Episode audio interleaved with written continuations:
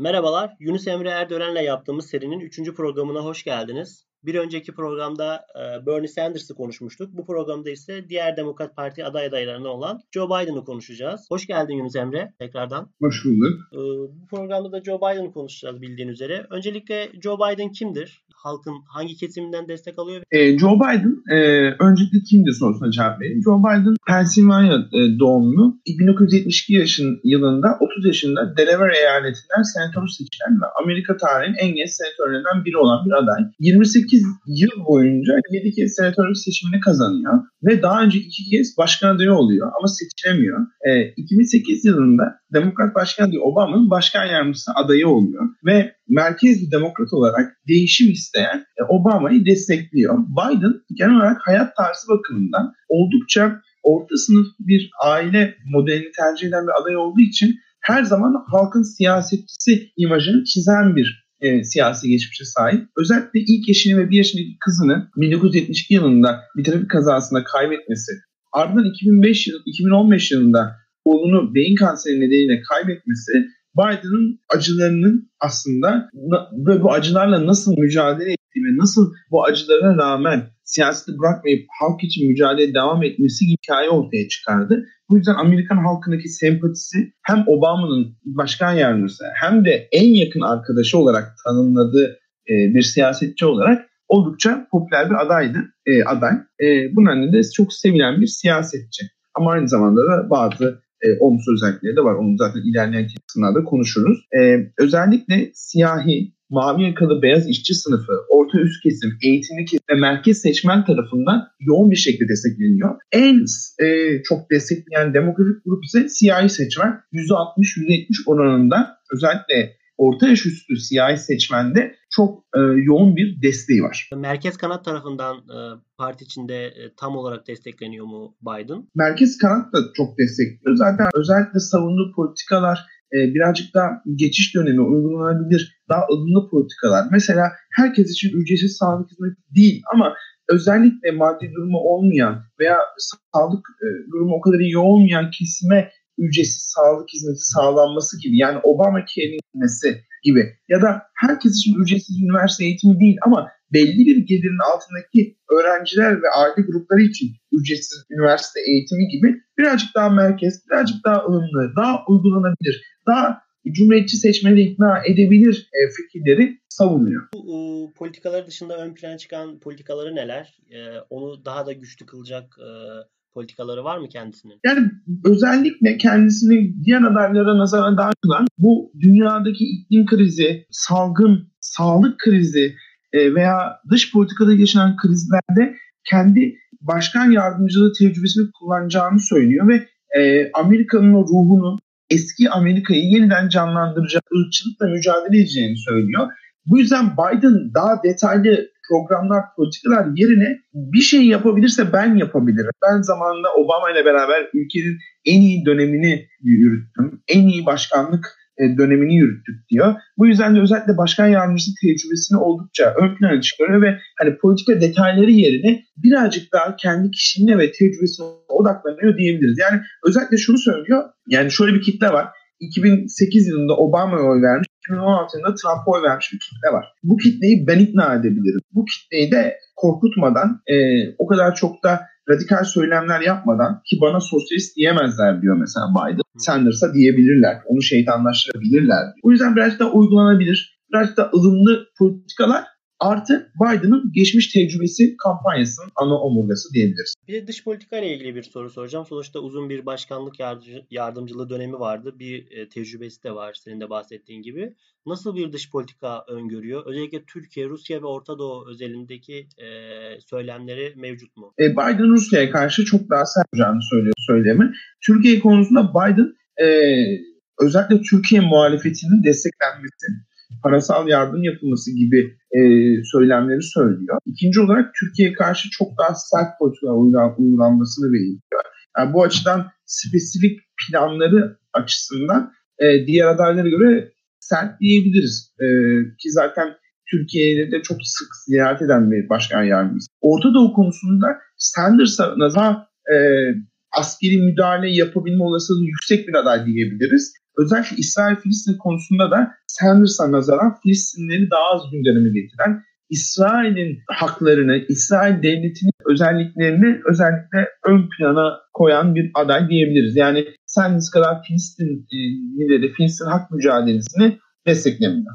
O kadar çok gündemde tutmuyor. Ama yine de tabii ki e, Filistinlerin insan hakları, Filistin devletinin tanınması gibi konularda e, İsrail'in masaya oturması gerektiğini de belirtiyor. Ama dediğim gibi hiçbir şekilde Sanders kadar e, bunu gündeme getiren özellikle Filistinlilerin haklarını savunan değil. Birazcık da bizim e, hani Obama dönemindeki dış politikanın birazcık daha devamı anladım. Sen de biraz önce bahsettin. 2015 yılında kanserden bir oğlunu kaybediyor ve e, oğlunu kaybettiği için aslında e, 2016'da aday olması beklenen isimlerden biriydi ve bundan dolayı aday olmadı. E, şu an 2020'de ilerlemiş yaşına rağmen aday olmak istemesinin, sahada olmasının e, nedeni ne sence?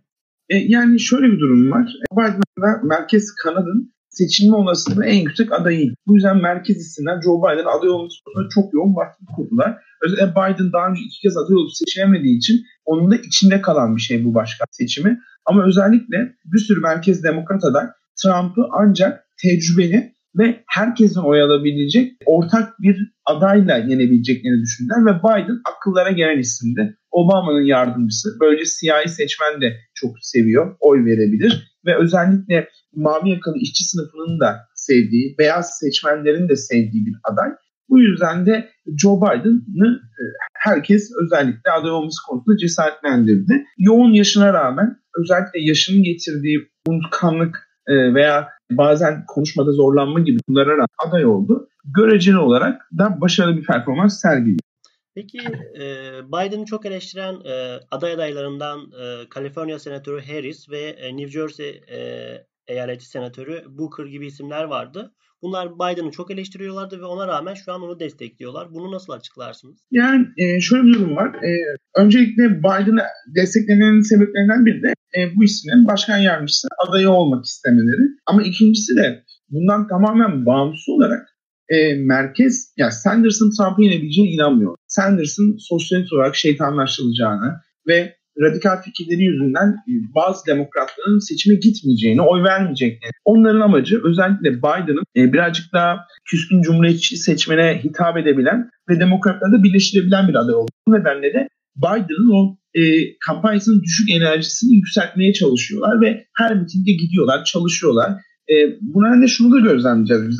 Bu korona salgını olmasaydı e, Biden'ın mitinglerinde Biden'dan çok başkalarının konuştuğunu, organize bir şekilde hani imece usulü bir kampanya yapılacağını görecek. Tabii bunu göremiyoruz şu anda. Büyük ihtimalle de göremeyeceğiz. Ama e, Kamala Harris'in, Cory Booker'ın, Amy Klobuchar'ın, Pete Buttigieg'in, Beto O'Rourke'un, Andrew Young'ın kendisi e, sol fikirlere yakın bir adaydı. Hepsinin Biden'ı desteklemesinin sebebi demokratların o birlik ve beraberliğini göstermeleri ve Kasım'a seçimlerine odaklanmaları hani yakın zamanda bu isimler arasında Sanders'ın ekleneceğini söyleyebiliriz. Koronavirüsü e, kampanyasını e, nasıl etkiledi? Nasıl bir kampanya yürütüyor kendisi şu an? Ya Biden e, Biden da Sanders da risk grubunda olan e, siyasiler Biden 78 yaşında yani e, korona salgınının risk grubunda olan bir isim. Bunun nedenle çok evden çıkmıyor. Evinde bir televizyon stüdyosu kurdu. Oradan online mitingler yapıyor. Bu nedenle de hani e, artık tamamen kampanyası online'la videolara e, taşıdı diyebiliriz. Hem Sanders hem Biden.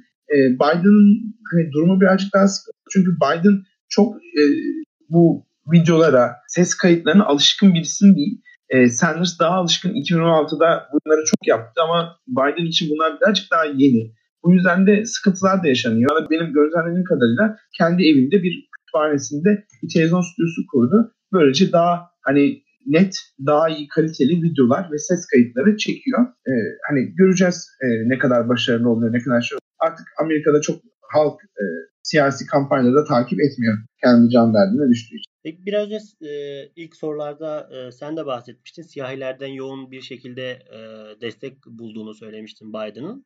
Ama Biden'ın geçmişte de bugün bu kampanya sürecinde de siyahilerle ilgili bir sürü gafları oluyor. Birbiriyle çelişen söylemleri var. İşte bir taciz davası var. Ondan sonra Obama Obama'yı bile 2008 yılında siyahili siyahili üzerinden bir gaf yapmıştı. Bunlar kamuoyunda nasıl karşılanıyor ve bütün bunlara rağmen siyahilerin Joe Biden'ı desteklemesinin nedeni ne sence? Obama gafı şuydu. E, 2008'de Biden'la adaydı. O Biden şey demiş yani ilk defa biz e, düzgün konuşan e, parlak ve e, güzel görünümlü e, bir Afro-Amerikan e, bir başkan adayımız var demiş.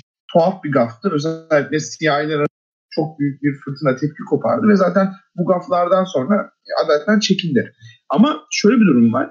Biden, bu cinsel taciz davası ise Biden'a karşı değil ama e, bir e, Amerikan e, Anayasa Mahkemesi'ne atan, atan yargıca karşı cinsel taciz iddiasında siyahi bir e, kadının e, karşı senatoda e, ifade vermesini zorlaştıracak bir tavır içerisinde Biden 1980'lerde.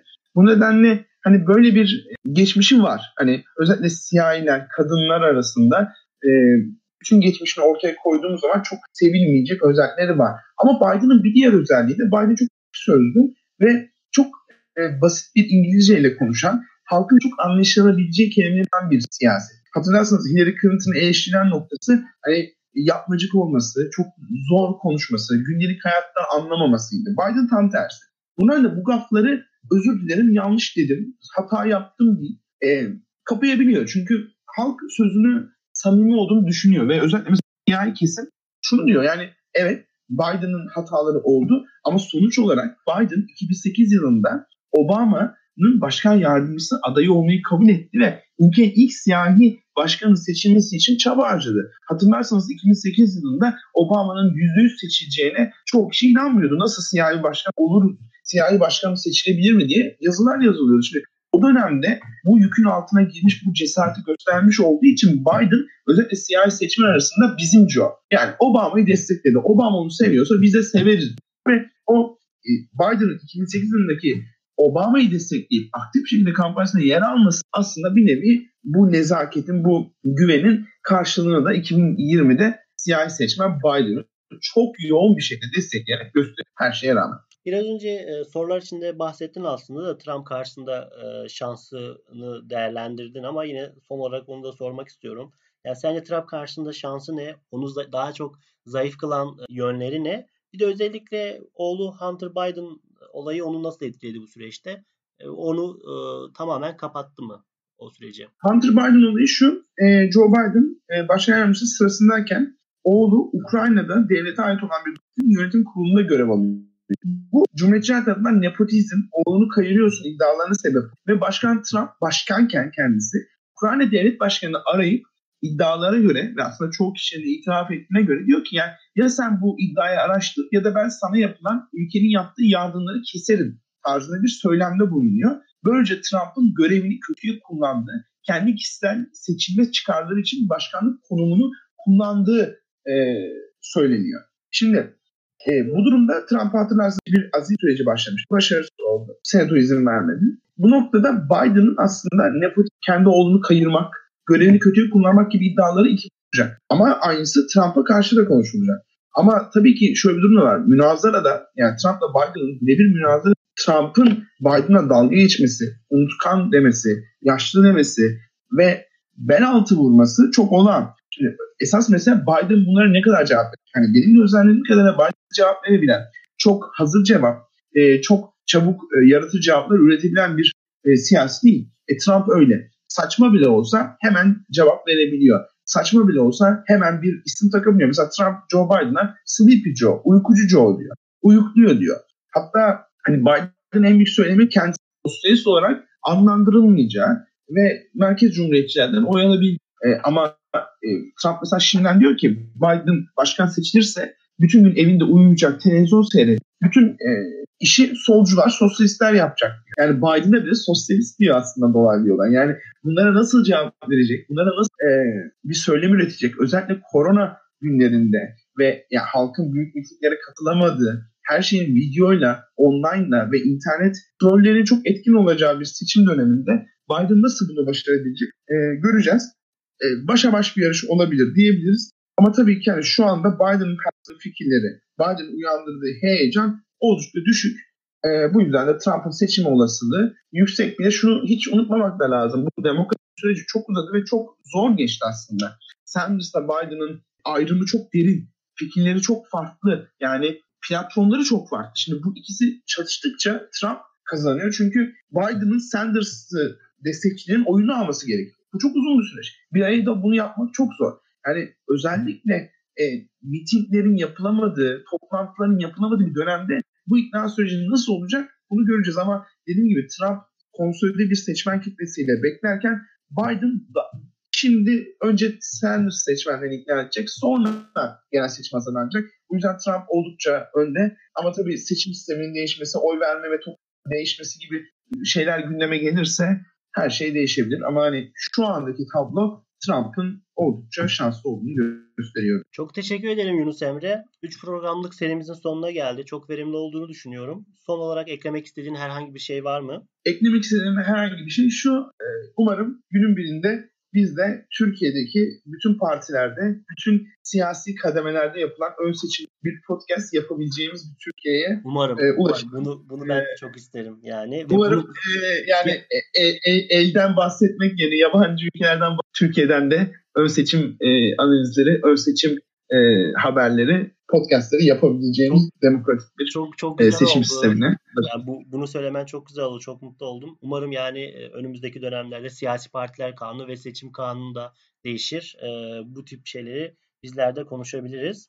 Dediğim gibi 3 programlık serimizin sonuna geldik. Birinci programda Amerikan seçim sistemini konuştuk. İkinci programda ise Demokrat aday adaylarından olan Bernie Sanders ve son programımızda ise Joe Biden'ı konuştuk. Amerikan seçim e, seçimini baştan sona ele aldık. Başka programlarda da umarım e, bir araya geliriz. Belki Amerikan seçimi e, sonuçlandığından sonra bir program daha yaparız. Şimdilik bizden bu kadar. Bizi dinlediğiniz için teşekkür ederiz. Kulağınız bizde olsun.